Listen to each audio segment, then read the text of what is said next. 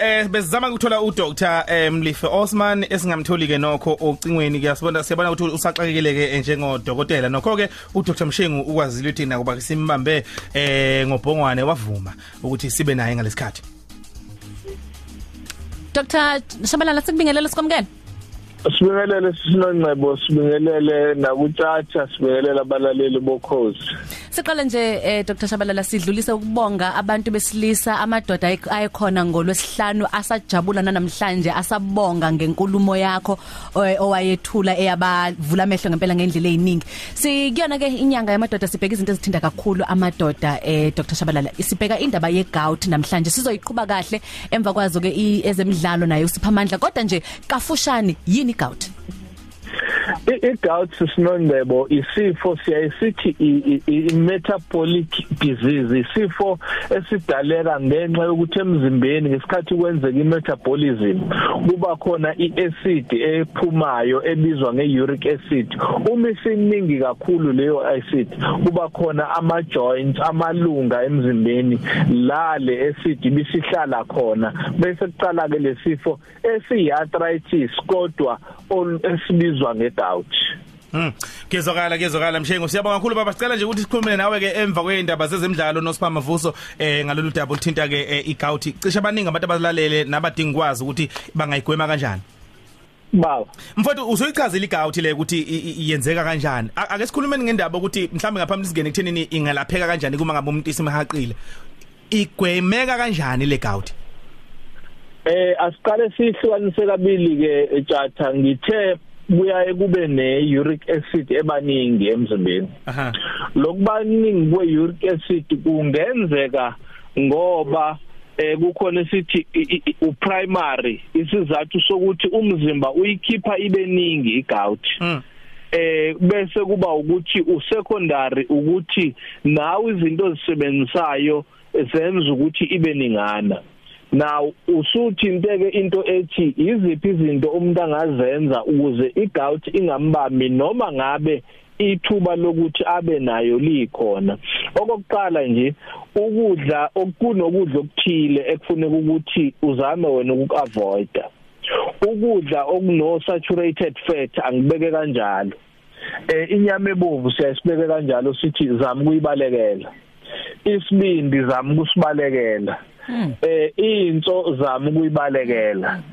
Oku okubi ke ukuthi siyayisithi hayidla inyama emhlophe kanti nakuyinyama emhlophe. Kukhona ofish ekufanele ukuthi ungabadli uma ngabe uwumuntu osethubeni lokuba negout. Eh osidins nje kufuneka ukhethe wena umudla ukuthi yini oyidlayo. Nawo futhi ama juices agcwele kakhulu em ama ama acid ane fructose eningi. Yabona eh ngithi orange for instance. Mm. Kuyenzeka likususela utamatisi kuyenzeka ukususela abe eh uma uthanda lobster eh into zona engcebo kuyenzeka kodwa into enhle nge nge ngegout kubantu besifazana ukuthi ivama ukuqala kubona uma sebekuleya minyaka esithi post post menopausal age. Kanti kubantu besilisa ivame ukuthi uma usuna 30 nje nangaphezulu amathuba akho akhonyana ukuthi ube negout. Yeah manje Dr Shabalala into izothi aw kanti sesizodlana zimnandi kabi lezi zinto zibalile Dr Shabalala. kusekuningi ukudla ongakudla. Em kuyadika ukuthi okokuqala lezi zinto engizibalayo nongcebo angithi izinto thina esithi uma sibheka eh sisiwo dokotela sithi izinto ezingakususa. Kodwa kungenzeka ukuthi kuwe azikususi. Manje kubalekile ukuthi uqale uzazi wena ukuthi lokudla ku right kimi lokudla akukho right kimi. Okubalekile ufish nje ungawudla kodwa kufanele ukhethe ukuthi muphi ufish. Ama veg ungawadla kodwa nakhona kufanele ubheke ukuthi ukhona intamatisi kulama veg osoya ungabadla. So zonke lezo zinto nalako lactulose kufanele ubhekisise lezinto angithi ngithe metabolism kuya ngokuthi kwi metabolic system yakho kuwenzeka kangakanani ukuthi igcine iphumile le acid? Hayi. Hey nge- nge- iyashaqisa lento nanokuthi khathide inkosi siz- sizophila ngamanzi kuphela. Hayi kulikhuni Ngoba- kuyabonakala ukuthi ukudla nokudla um shothi Dr. Shabalala ufuna umuntu ufana ayikalele sidla into elinganisiwe. Not ukuthi mhlawumbe usuthi is- isibindi cha cha cha. Kodwa nje uphisana nje.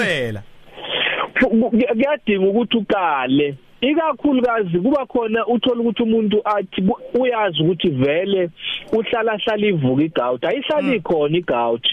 Igout uthola ukuthi umuntu uthi nihlalele eh benza lento tjatha abayenzayo ngeweekend eh bayenze bayenze badle lokudla bakudlayo baphuze lokho abakuphuzayo. Ngakusasa eh kuyabe kuyavuka. Usipha akasavuki kahle. Usevuka sekune joint eyodwa ebhlungu ngoba igout ivama ukuthi ibambe nje mhlambe ijoint eyodwa somewhere ikakhulukazi lapha ngasenyaweni Mm. kuyabonakala kuyavuvukala oh lowo muntu uthola ukuthi unayo igout ngakho ke sekufuneka ukuthi wena konje mina ngoba igout yangihlupha yiziphi izinto ezingisizana ezingangisiza Okay, wemshengo e- endabeni ke thinta uphuzo oludakayo sesiphetha nje ku- ku- ku- ku- kuluna mthelela muni kulesifo.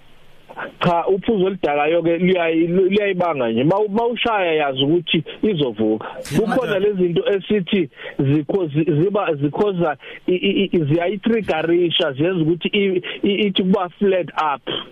Ha. mana ke ha, ha. Dr Shabalala ngoba uma siphuza khona abantu abaphuza umuntu alokheshaya nje ethi nqa into yakhe ekuthiwa i triple distilled.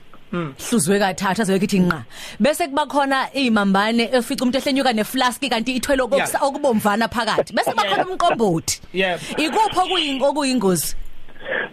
Hey uyabona ke mawuthinta umqombothi bavama ukuthi umqombothi ukudla eh. Ngoba abanye bathi kukhona ukusutha okutholayo emqombothini. Okwesibili akunawo amakhemikhali amaningi la asuke efakwe kulezi zinto kodwa utshwala esazi ukuthi na kanjani uma ubushaye kahle. Eh izingavuka igout uma ngabe umuntu wayo ubhiya.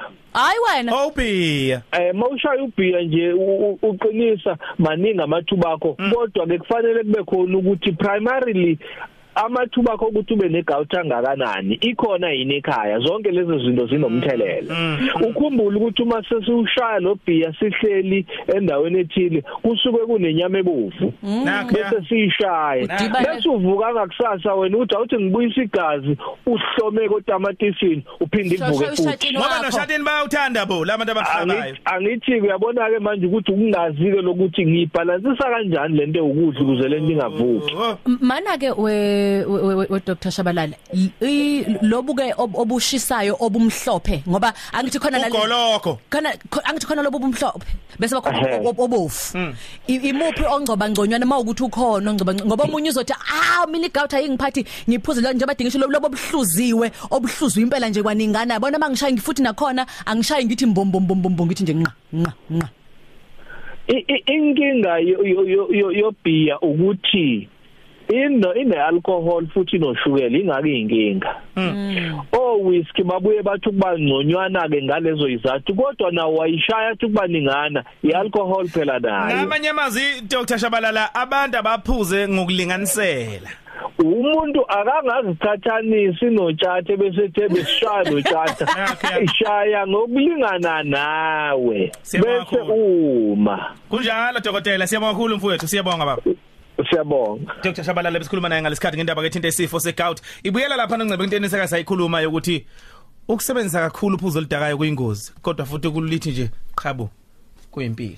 ngoba yabona thatha ab- ab- abantu laba aba- abathi mabeshaya loku oku- okubovu okuthengwa nje nasema supermarket amawayini khona bakushaya ngeglass nje elingene. Umuntu lokho ethi nqa ahamba eshaweni abuye athi nqa ap- a- athe pheka athi nqa bese bakhona ke inkuzi zakhona. Esizamaphandle ezishaya eflaskini. Kona lokho kubovu ufica umuntu iflaski ehlenyuka nayo ngoba kukhona umaye ekhaya athi mbom bom bom bom bom bom bom Zihle bona igubhu zabababuthela kuzo. hayi Futhi igubhu esihle kanjani nesiphinki.